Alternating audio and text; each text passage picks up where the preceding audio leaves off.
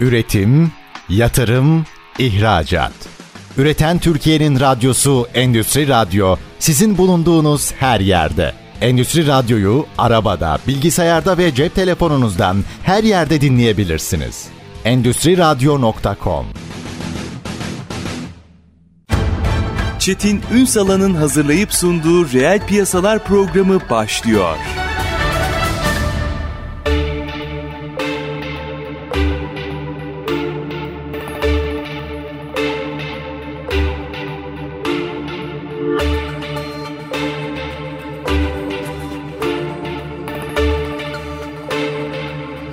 Reel piyasalardan merhabalar. Türkiye'nin gerçek gündeminde birlikteyiz. Efendim bugün konumuz endüstri zirveleri. Aslında her yıl geleneksel olarak hem trendleri takip ettiğiniz hem aslında teknolojik görüşmeleri bir şekilde e, orada e, vakıf olduğunuz ama eş zamanlı olarak düzenlenen panellerle birlikte hani taşın altında eli olanların anlattığı bütün dönüşümleri bir formatı Hepiniz yakından biliyorsunuz bu sene 20-23 Aralık 2023 tarihleri arasında İstanbul Fuar Merkezi'nde gerçekleşecek bir dizi zirve, endüstri zirveleri diyelim. Biz detayları konuşacağız. Kıymetli bir konuğumuz var. Endüstri Medya Genel Müdür Yardımcısı Haydar İlk bizlerle birlikte. Sayın İlk hoş geldiniz. Hoş bulduk Çetin Bey. Üstadım şimdi ben başlıkları bir e, sayayım. 20-23 Aralık 2023'te sonra bütün detayları alacağım zaten. Bakın burada yıl boyunca konuştuğumuz mesela robot meselesi. Yıllardır herkes oradan takip takip ediyor. Robot yatırımları zirvesi ve sergisi. Sanıyorum Türkiye'de ilk dile pelesenk olduğu andan beri hep konuşulan Endüstri 4.0 akıllı fabrika çözümleri zirvesi sergisi. Çok kritik ve hayati bir konu. Enerjisini üreten fabrikalar ve binalar ki bunu biraz özel açmak istiyorum. Hem dönem olarak çok önemli hem de ilk çıktığı yıl bile müthiş herkesin ilgisiyle bu konunun ne kadar önemli olduğu orada bile gözükmüştü. Büyüyor. O da devam ediyor. Proses. Her alanı verimli hale kılmak lazım. Proses zirvesi ve sergisi. Bu sene bence yine kritiklerden biri depolama ve transfer çözümleri zirvesi geldi. Bunun detaylarını alacağım. Kazanç ve basınçlı kaplar zirvesi ve depreme dayanıklı binalar zirvesi bu sene yine yine eklenenlerden çok kritik. Konuşalım biraz. Birincisi bu şenliği biraz anlatabilirsiniz. Ben şenlik diyorum. Endüstri şenliği. 20-23 Aralık 2023 tarihlerinde insanların ne bekliyor? Şimdi Çetin Bey biraz böyle daha başa dönmek lazım aslında. Biz 2015 yılında bu zirveleri başlattığımız dönemde ilk robot yatırımları zirvesiyle başlattık. Biz bir medya kuruluyuz. Grubumuzda sektörel yayınlar var. Aynı adını taşıyan robot yatırımları dergimiz de var. Şöyle bir şey yapmak istedik aslında. Yani biz yıl 365 gün zaten alıcı satıcı dediğimiz kibiyi buluşturuyoruz. Yani B2B yayıncılık yaptığımız için. Bunları yılda bir defada bir etkinlikte aynı sizin de bahsettiğiniz gibi bu bir şenlik vari yeni teknolojileri ve biraz da sosyalleşebilecekleri bir noktada buluşturmak istedik aslında. Hikaye evet. ilk böyle başladı. Hikaye yani. böyle başladı. İlk senesi 32 tane firmayla biz bunu gerçekleştirdik. Şimdi tabii ki o döneme baktığımızda robotlu üretim teknolojileri tabii ki vardı Türkiye'de. Dünyada daha ilerideydi ama ülkemizde çok daha büyük açık vardı. Hem uluslararası rekabet için hem kalite için hem verimlilik için bir şekilde o etkinliğe gelen o yıl için 2015'te 1200 kişinin belki 1000 tanesi elinde projesiyle geldi. Yani Aa, derdini anlatacak yer yokmuş demek ki. Evet. Bu konu o yüzden gündem olarak bir şekilde çok iğmelendi. Biz de kademe kademe yani biz bir medya ve sürekli bu noktada bir yayın çizgisinde olduğumuz için ihtiyaçları belirleyerek bu tarz projeleri ekleye ekleye bugün toplamda 7 tane farklı bunların 4 tanesi TOBA kayıtlı fuar organizasyonu ama hepsi zirve ve sergisi olarak lanse ediliyor.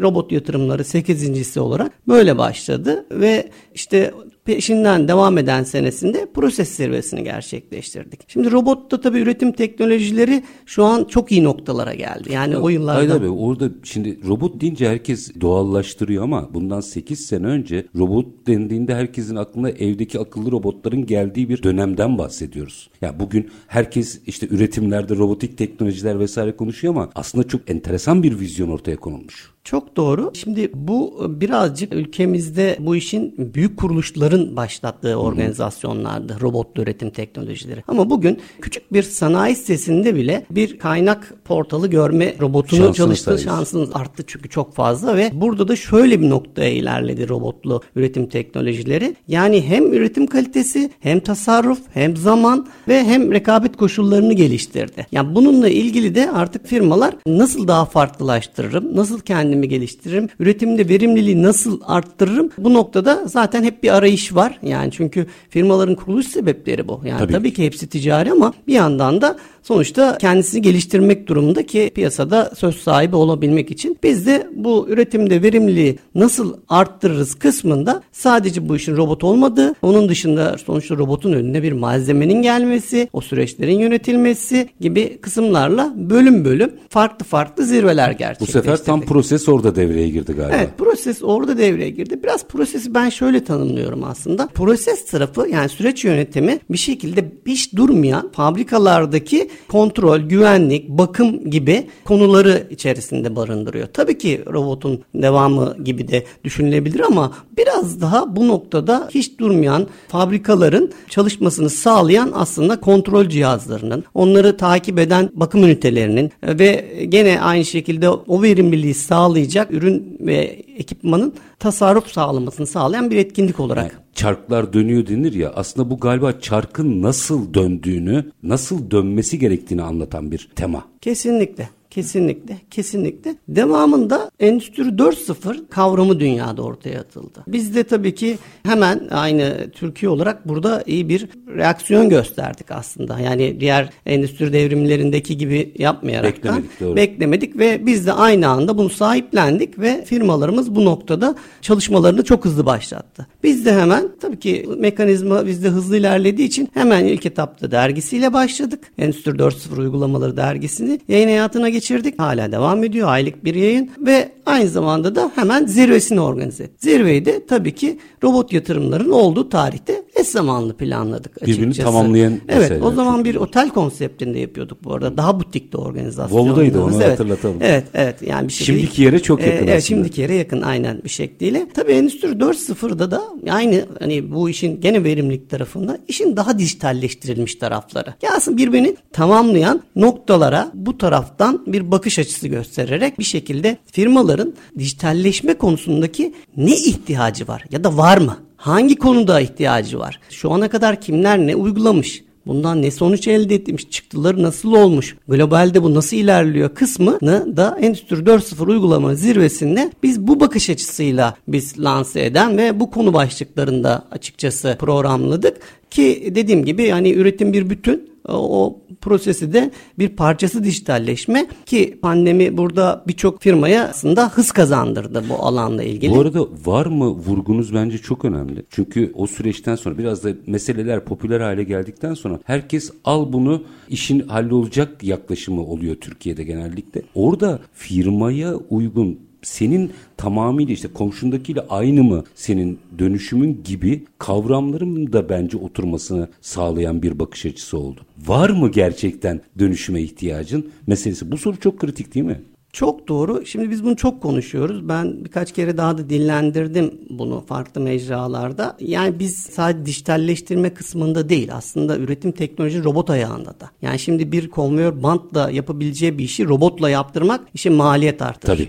Dijitalleştirmede de sizin bir pazarınız yoksa onu full karanlık bir fabrikaya çevirip çok fazla üretim kapasitesini arttırıp bir pazarınız yoksa bu da sizi Çok pahalı bir işe pahalı gelir. bir işe dönüştürür. Yani o yüzden firmalarımız bu noktada birazcık tabii ki bu işin büyükleri neler yapmış, örnekleri neler olmuş, sonuçlarıyla ilgili ve kendisiyle ilgili kısımları burada bu zirvede hani dijitalleştirme panel alanındaki konularda da dinleyebilir. Aynı zamanda firmalardan da bu konuda beslenebilirler açıkçası. Peki şimdi minik bir araya gideceğim. Ne yaptık? Robot geldi. Proses geldi. Arkasından Endüstri 4.0 geldi. Şimdi Arkasından bir şey daha geldi. O çok hayati. Hala bence bence çok uzun yıllar hiçbir zaman önemini yitirmeyecek enerji başlığını açacağım ama minik bir ara. Aranın ardından devam edeceğiz. Konuğumuz Endüstri Medya Genel Müdür Yardımcısı Haydar İlk 20-23 Aralık 2023 tarihlerinde İstanbul Fuar Merkezi'nde gerçekleşecek olan endüstri zirvelerinin aslında bakın Türkiye'nin gelişimiyle birlikte nasıl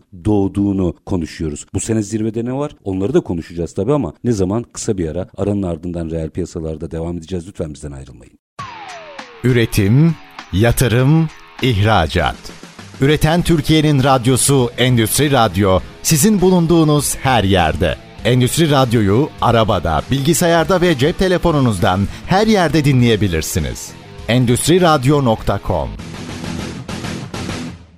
Kısa bir aranın ardından reel piyasalarda tekrar sizlerle birlikteyiz. 20-23 Aralık 2023 tarihleri arasında İstanbul Fuar Merkezi'nde gerçekleşecek olan endüstri zirvelerinin aslında nasıl doğduğundan, bu sene neler var onları da açacağım ama nasıl doğduğundan bahsediyoruz. Çünkü hepsi bir yere oturuyor. Robotla başladı, prosesle devam etti, Endüstri 4.0'la süre geldi ve kim bizlerle birlikte bu arada Endüstri Medya Genel Müdür Yardımcısı Haydar İlk'le konuşuyoruz. O süreci hatırlıyorum. Enerji maliyetleri anormal artmış firmalar yana yakıla ne yapılacak diye konuşurken bir dakika enerjisini üreten fabrikalar diye bir şey kavram çok hoşuma gitmişti. O zaman da hoşuma gitmişti hala hoşuma gidiyor. O geldi.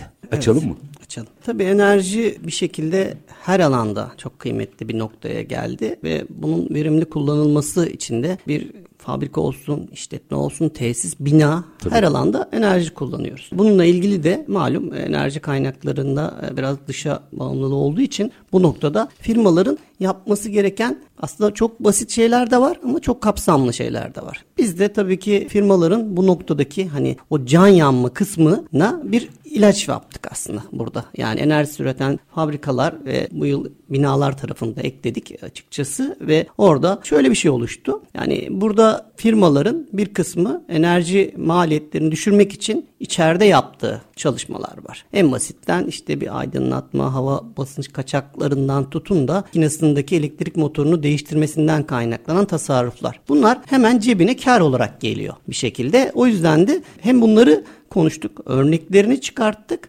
hem de bir yandan da alternatif enerji kaynakları olan enerji üretimiyle ilgili ki son yıllarda çok gelişti bu noktada. Özellikle çatı GES projelerini de aynı anda sergilendi. Bunun dışında içeride ürettiği atıktan, ısıdan enerji sağlanması gibi bir işletmenin, bir tesisin bütün know-how'ını aslında enerji tarafında nasıl tasarruf sağlayabilir kısmı ile ilgili bir etkinlik planlaması yaptık. İlk senesi gerçekten çok enteresan ve ilginç geçti. Şeyler paneller genelde dolu olur bu zirvelerde. Ben onu çok severim ama o sene mesela şahitliğim ayakta seyrediyordu herkes. Çetin Bey şöyle bir şey oldu. Tabii biz bir yandan tabii bu organizasyonu yapıyoruz ama bu işin operasyon tarafında da bizler varız. Biz o sene gene ilkinde çok sınırlı bir katılımla 1200 metrekarelik gene WOW'da bir alanı kullanırken yanlış olmasın 25 tane katılımcı firma vardı galiba bir şekliyle. Bir panel alanı oluşturduk. Dediğiniz gibi ayakta insanlar akşam operasyonla panel alanı büyüttük.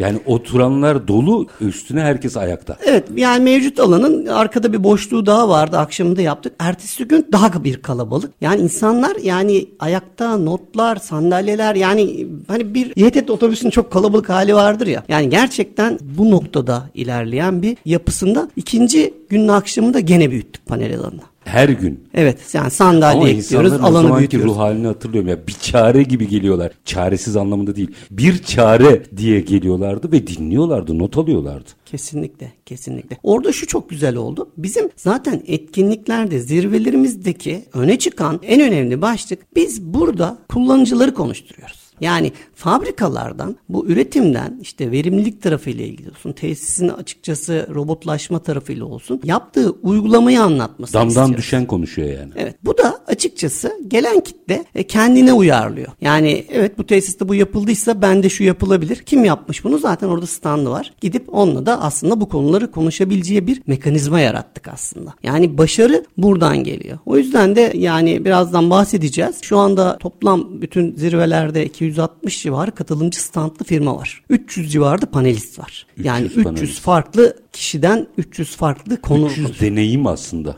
Kesinlikle. Yani Kesinlikle. E, tabii ki orada teknik bilgi de verecektir ama herkesin deneyimini anlattığını düşünürseniz 300 deneyim, deneyim ekonomisinin içerisinde bence müthiş. Yeni projeler geldi. Onları da açalım. Enerjinin içerisinde daha önce katılımcı firmalarımızdan bir kısmı özellikle kazan basınçlı kap konusuyla ilgili firmalarımızın bu noktada farklılaştığı, ayrıştığı ve kazan ve yanma yakıcıların enerji verimliliğindeki katkısının çok ön üst düzey olduğunu gördük. Yani bugün sadece fabrikalarda değil büyük sitelerdeki kazanlardan, tesisler. tesislerden de bahsediyoruz. Ve orada da bir derneğimizle beraber kazan ve basınçlı kap zirvesini bu sene içeriye dahil ettik açıkçası. Orada da iki gün boyunca yani kendi etkinliği derneğin kontrolünde o konu başlıklarıyla ilgili işin bir de tabii ki burada güvenlik tarafı da var. Yani birçok fabrikada bu konuyla ilgili inanılmaz sorunlar yaşadığımız dönemler medyada asıl hani Yaşandı yani. Şu- yaşandı. Çok Bu sayıda. seneye bile şöyle bir dönüp bakın bir sürü olay vaka oldu. Yani kazan ve basınçlı kap zirvesini dahil ettik. Projelerden bir tanesi bu. Diğeri de gene üretimin ayrılmaz bir parçası olan intralojistik dediğimiz depolama ve transfer çözümleri. Bizim bu alanda gene zaten dergimiz var. Bir şekilde yıllardır biz bu alana aslında ışık tutan bir medya grubuyuz ve bunu sadece biz yapıyoruz açık yüreklilikle söylemek gerekirse. Ve e-ticaretin ve depolama ihtiyacının çok gündemin yoğun olmasıyla beraber içeride bu işin hem dijitalleşme tarafı hem otomasyon tarafı ve hem üretimle entegre tarafı inanılmaz. Ben bu yıl içerisinde Almanya'da bir fuara gittim. Uluslararası organizasyon bizim benzer konseptteki fuarlarımızdan bir tanesinde. Orada bir demo alanında şunu gördüm. Üretim bandından çıkıyor. Otomo cihazlar ürünleri alıyor. interlojistik deponun kısmına depoluyor ve sevkiyat ediliyor. Yani şimdi biz işin bu tarafının dünya buraya gittiğini Tabii, ve tabii. o yüzden de bu alana da daha fazla ışık tutmak gerekli olduğu için de bu sene depolama ve transfer çözümleri ya da interlojistik çözümleri adı altında bir başlık daha açtık. Onunla ilgili zaten katılımcı firmalarımız vardı. Bu, bu sene içerisinde yaptığım sadece Anadolu seyahatlerinde birçok il ekonomisini konuşmaya gittiğimizde her ilin ekonomik planlamasının içerisinde biz de burası depolama merkezi olsun diye bir vizyon var. Çünkü iş buraya gitti. Evet. Lojistik işin en kritik noktası oldu galiba. Kesinlikle çünkü depolama işin ciddi maliyet oluşturan Tabii. üretimden onu bir şekilde yani kullanıcıya gidene kadar ki süreçte siz o noktasında iyi planlama yapamazsanız açıkçası bu ürünün maliyetine yansıyor kesinlikle. Ve o da rekabet hali. O yüzden de biz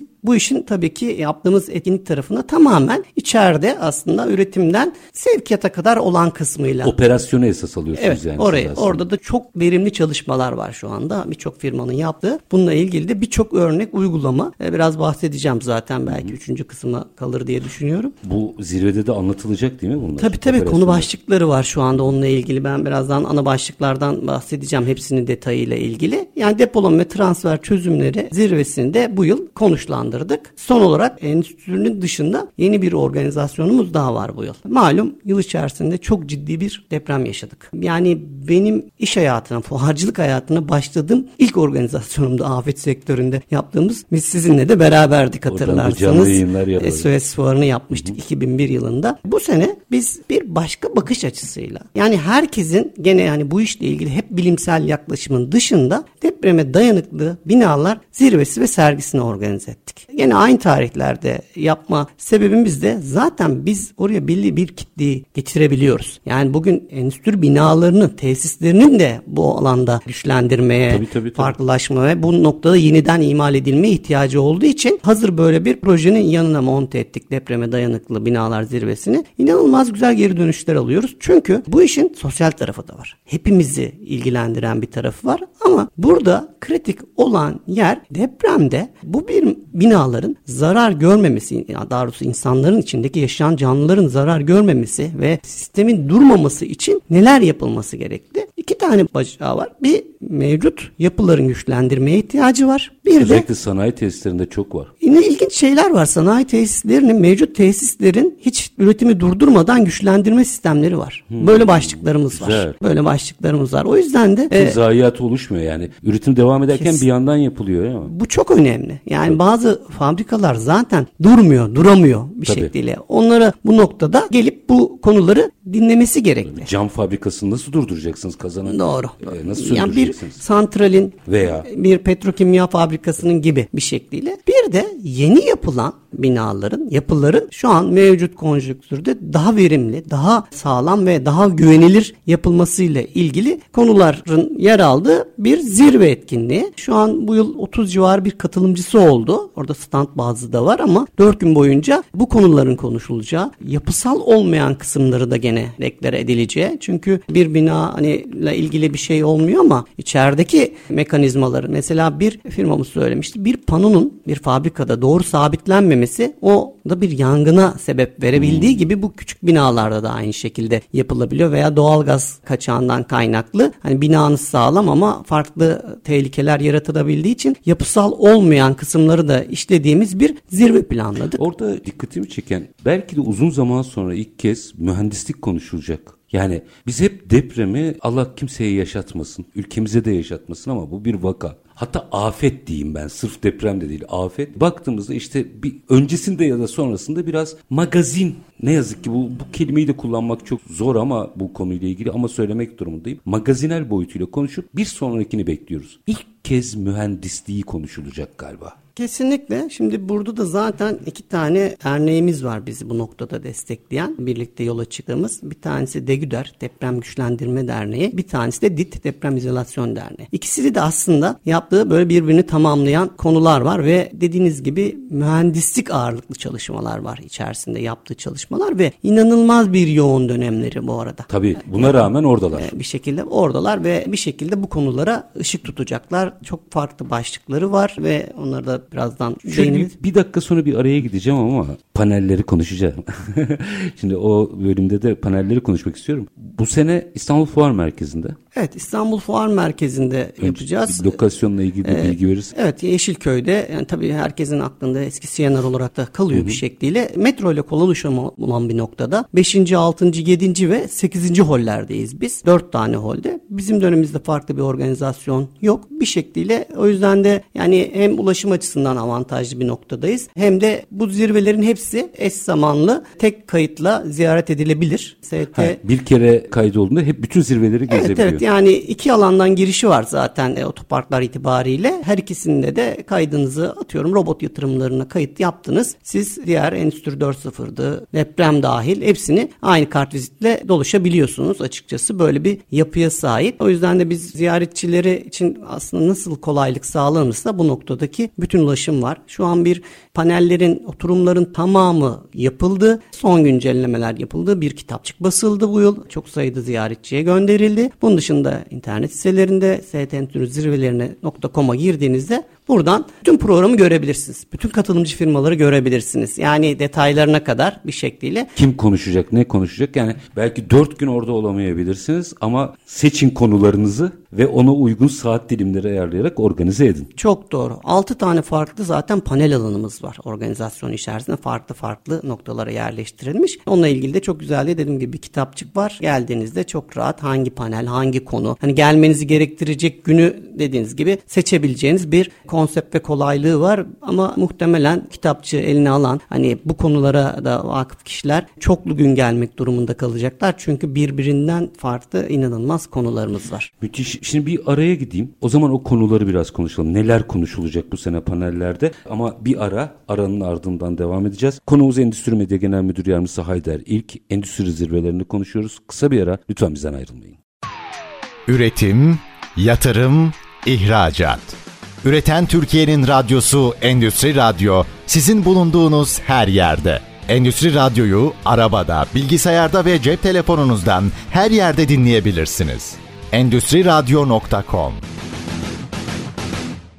Kısa bir aranın ardından reel piyasalarda tekrar sizlerle birlikteyiz efendim. 20-23 Aralık 2023 tarihleri arasında İstanbul Fuar Merkezi'nde gerçekleşecek olan endüstri zirvelerini konuşuyoruz. Konuğumuz Endüstri Medya Genel Müdür Yardımcısı Haydar İlk. Aslında her birini tek tek mercek altına aldık ama bam teli paneller Neler var bu sene? Neler konuşulacak panellerde? Daha önce de bahsettiğim gibi 300 civarı panelistimiz var şu an konuşmacı olarak ama biz ana başlıklarda topladık. Hı hı. Aslında o konu başlıkları altında firmalarımıza bu konuları konuşulmak isteniyor. Çünkü biz bir yandan bu organizasyonları planlarken katılımcı firmalarımıza ziyaretçinin de beklentisini karşılayacak konuları orada dile getirmek durumundayız ki Tabii. bir eşleşme olsun. O yüzden ben başlıkları sırayla vermek isterim. Yani bu konuyla ilgili dediğim gibi bunların tamamı şu anda stendüstrizirveleri.com'da program kısmında görülebilir. Orada her konuşmacının neden bahsedeceğini de görebilirsiniz bu arada. Evet evet kesinlikle orada Bizim firma ve başlıklardan e, aynen aynen aynı şekilde var. Yani bizim şu andaki ana başlıklarımız mesela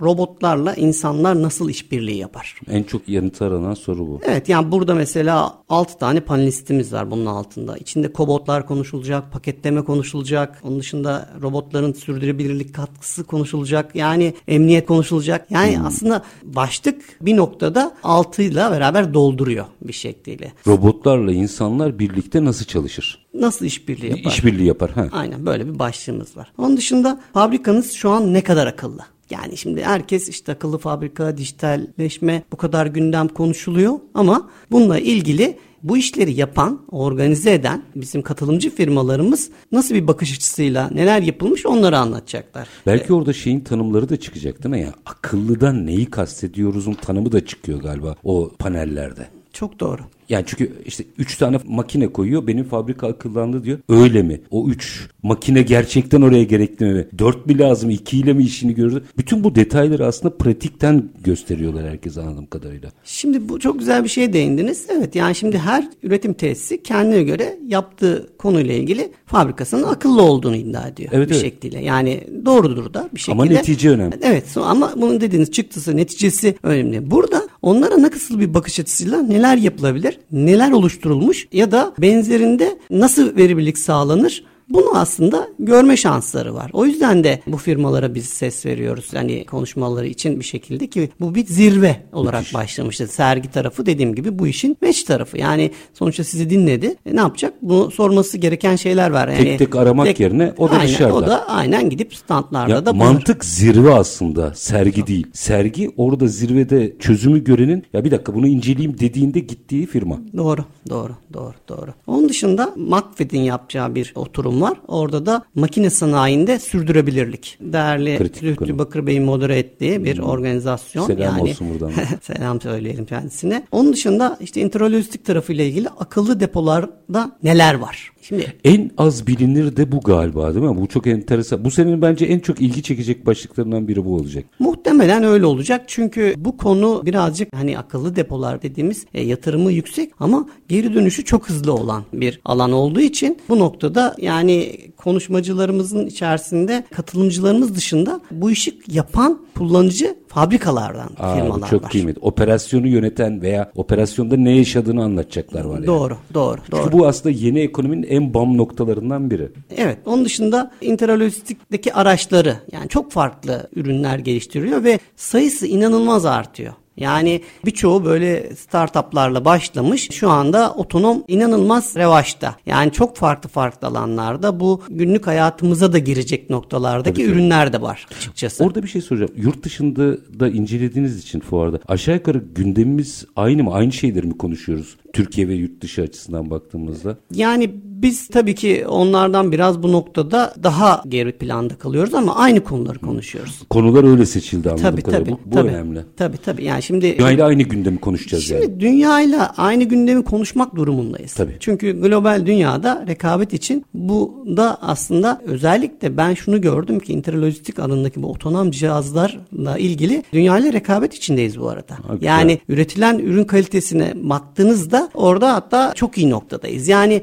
ya bu ben çok eskiden beri makine sektöründe de çok iş yaptığım için yani makine gibi değil mesela. Yani makine sektöründe baktığınızda dünyada globalde hala yapamadığımız, üretemediğimiz teknolojiler varken burada öyle değil. Ha, burada bir kulvar var o zaman. Evet, Demek ki evet. ekstra bakmak evet, lazım. Yani evet o yüzden de bir şekilde bu kıymetli, değerli hani bununla bir şekilde biraz daha fazla geliştirilmesi, duyurulması için de aslında bir dediğim gibi ortam yarattık aslında. Ekosistem yaratılacak anladığım kadarıyla. Doğru, Devam edelim. Doğru. Onun dışında Mesela işte derneğimiz KBSB'nin organize ettiği başlıklarda işte bu kazan ve basınç kap zirvesinde kazan ve yakıcılarda teknolojik gelişmeler. Çünkü bu dediğim gibi o teknoloji tarafı işin verimlilik tarafında çok kıymetli. Günceller mi gelecek oraya? Güncel bilgiler mi gelecek bu seneye özel yani? Güncel bilgiler gelecek çünkü burada da hani yanma yakıcılarda o enerji verimliliğinde o verimlilik tarafında teknolojiyi doğru kullanmazsanız Tabii bir maliyet olur o zaman. E, kesinlikle. O yüzden de biraz buraya ışık tutuyorlar biraz açık Güzel. yüreklilikte. Onun dışında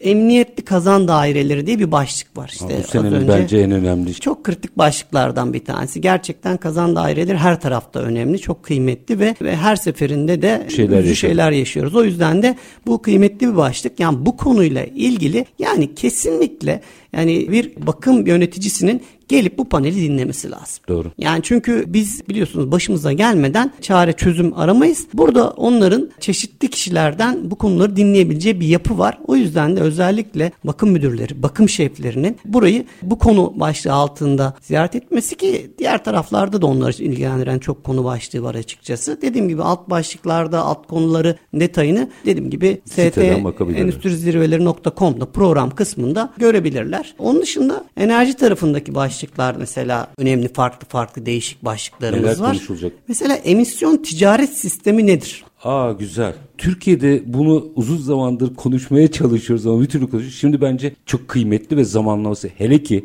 bakın finansmana ihtiyacınız olduğunuz hakkında. Burada acayip bir kaynak var. Doğru yapılanırsanız. Orada da güzel konuşmacılarımız var. EPİAŞ'tan, Türk Standartları Enstitüsü'nden, Yeşil Büyüme Birliği'nden gibi. Buraya bir başka bakış açısı da çünkü dünyada bu nokta emisyon, emisyon ticareti, pazarlaması, satışı artık karbon ayak izi biliyorsunuz. Hani bu noktada gene biz hani çok kenarında değiliz ama çok içinde de değiliz ama yapmamız gereken Ya 2026'nın başına kadar bütün hazırlığımızı yapmış Yap- olmamız lazım. Aynen. O yüzden aynen, bu bilgi aynen, çok kıymetli. Aynen, aynen. Yoksa yine dünya o finansmanı kullanacak veya yapılanmasını yapacak. Biz arkadan yetişmeye çalışacağız. Daha vakit var. Evet. İki yıl var. Şimdiden yapmak lazım. Harika. Onun dışında yeşil enerji dönüşümü, yeşil sanayi kredileri ve teşvikleri diye bir başlığımız var. Hı, somut. Somut. Bu da tamamı bu işin kullanıcı tarafından yapılan bir oturum aslında. Yani işin içerisinde devlerin olduğu yani firma ismi vermekte sakınca var vermeyelim bir şekilde ama kullanıcıların bu finansmanları elde etmiş ve neler yaptıklarını anlatacaklar. Yani ben nasıl bir proje yaptım buradan, burada nasıl finansmanına ulaştım ve günün sonunda ne elde ettim? Bu mu anlatılacak? Evet yani mesela otomotiv yan sanayi bunu söyleyebilirim. Mesela bir kağıt sektöründeki havlu kağıtlardan bahsediyoruz. Hani evlerimizde onun üretiminde bununla ilgili yaptıkları sonuçları anlatacakları bir oturum var aslında. Hayali değil yani. Değil. Yaptım. Değil, değil. Bu oldu. Değil, değil. Hı, Aynen güzel. öyle, aynen öyle bir şekilde. Onun dışında da gene kritik başlıklardan bir tanesi yine enerji üreten fabrikalar panel alanının altında yeşil hidrojen teknolojileri. Evet trend bu. Özellikle otomotivde bile şu anda elektrik mi yeşil hidrojen mi o bile tartışılıyor. Yeşil hidrojen geleceğinin enerjisi. Şu anda evet o da bahsettiğiniz gibi ilerleyen zamanda çok daha fazla gündem olacak ama şu anda dünya burada çok daha hızlı. Yasun'dan fabrikasında üretim yapan, Tabii, tabii, tabii. enerji üreten fabrikalarımız var. Türkiye'de de aynı fabrika var. Artık nükleer tesisler bile bizim eski bildiğimiz uranyum değil yeşil hidrojen üzerine kurgulanıyor. Doğru, doğru. Ya o yüzden ya bu kıymetli başlıklar için açıkçası e, biz tabii ki çok değerli Altuğ Karataş'tan da yardım aldık. Hem bizim e, Ona bu da selam konudaki olsun. ona da selam olsun buradan. Bir şekilde dün Dubai'deydi döndüm bilmiyorum ama bir şekliyle dinliyorsa bizi bir şekliyle. Onun dışında bizim Endüstri 4.0 tarafıyla ilgili başlıklarda da dijital dönüşüm uygulamaları nasıl kazandırılıyor? Az önce bahsettiğim konuyla tam örtüşen bir nokta bu. Yani siz böyle bir konuda ihtiyacınız var mı? Yapmalı mısınız? Neresindesiniz? Fabrikanız hangi seviyede? Hangi seviyenin üstüne çıkmalısınız ya da bu değil de başka tarafa mı odaklanmalısınız? Aslında nasıl kazandırıldığını, firmaların bu noktada nasıl geliştirdiğini anlatan bir çok güzel önemli bir başlık Yani açıkçası. senin dijital dönüşümün ne sorusunun yanıtı anladığım Evet, kadarıyla. evet, evet. Onun dışında sanal fabrikalarda neler oluyor diye bir başlığımız daha var. Yani bunlar şu an tabii ki zamanlarda yapılan hani ilk duyduğumuzda karanlık fabrika veya sanal tarafla ilgili kısımları çok havadayken şu an yerleşik yapılmış örneklerin olduğu konuşulabilecek başlıklar olduğu için açıkçası biraz daha somutlaştı. Somutlaştı. Eskiden Amerika'da bilmem ne cin firması şöyle yapmış diye konuşuyorduk. Şimdi buralarda da var anladığım kadarıyla. Yapan anlatacak yine değil mi? Tabii tabii. Tabii. Yani orada da dediğim gibi bizim e, oturumlarımızda hem kullanıcı tarafı var hem de bu işi organize eden uygulayıcı tarafı var yani bir şekliyle. O yüzden de böyle bir avantaj sağlıyor oraya gelen dinleyici. Yani her iki gözden de bakabiliyor bu konuyu bir şekliyle. Onun dışında gene bizim de içinde bulunduğumuz bir derneğimizin bir panel başlığı var. Enosat'ın bir başlığı var. İşte akıllı fabrika uygulamaları ile enerji maliyetinin düşürülmesi ve karbon emisyonunun hesaplanması. Güzel, güzel. Onu da Adem Bey sağ olsun Doktor Adem Bey modere edecek. Böyle bir başlığımız Çok daha var. var buna. Yani şu an gündem olan konuların aslında neredeyse tamamını biz burada Konuşulacak. konuşulacak bir şekliyle. Onun dışında gene bizim En başlıklar halinde birkaç tanesini daha sayalım. Evet, yerli ve milli teknoloji projeleri diye bir başlığımız var. Çevre ve iklim diye bir başlığımız var gene. Onun dışında dijitalleşen fabrikalar nasıl akıllı üretim yapıyor diye başlığımız var. Devam edeceksek GES projeleriyle yaşanan düzenlemeler, merak edilen yönetmelikler. Güzel, yönetmelik. Evet, bu bizim Son- son güncel yönetmeliklerden Evet, orada bahsediyoruz. sürekli bir güncelleme, değişiklik, yatırımlarla ilgili kararlar bir şekliyle hatta bu işin finansman tarafı yani şu an çok kıymetli biliyorsunuz. O Çok. yüzden işte fabrikaların gözünden enerji verimliliği uygulamaları tamamen kullanıcıların Yaşamışın. evet onların Yapmış e, yapmış 5 elde tane. Türkiye'nin ilk 500'ünde firmamız burada konuşmacı panelist açıkçası. Onun dışında dijitalleşme ekseninde geleceğin enerji sektörü bir şekilde yani enerjiye Orta dijitalleşme çünkü. bir şekliyle aynen öyle. Yani onun dışında işte kaynak uygulamaları var. Sıfır hata ile üretmek mümkün mü diye başlığımız var. İşte proses kontrolü son teknolojik gelişmeler var. Depolamada fırsatlar, depolama çözümleriyle ilgili başlık var. Aslında enerji tarafı bu. Biraz da vaktimiz kaldıysa E, depreme değinmek isterim. Ben vakti zorlarım. Yabancı değil konu.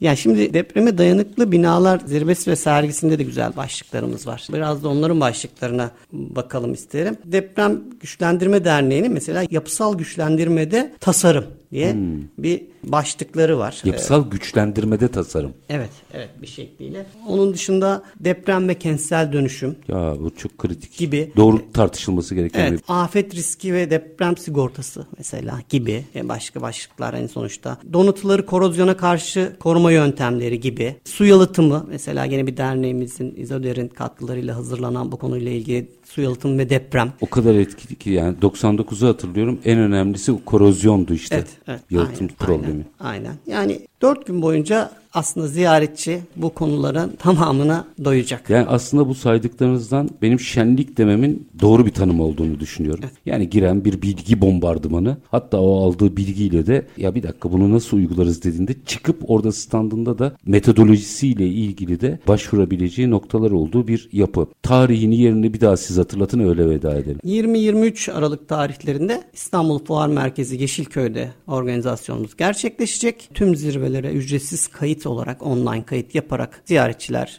gelip katılabilirler. Dediğim gibi orada da stendüstrizirveleri.com'dan hangi zirveye gelmek istiyorsa kaydını oluşturacak. Tamamen 60 saniye sürüyor öyle söyleyeyim. Giriş ücretsiz olduğu için bir daha yani reklama girmez bu. ST Endüstri Zirveleri.com'da ücretsiz biletlerini giriş şeylerini alabiliyorlar. Alabiliyorlar aynen. Bir tanesini aldın mı hepsine girebiliyor. Doğru. Güzel onu ben söyleyeyim de sonra kimse bir sürprizle karşılaşmasın.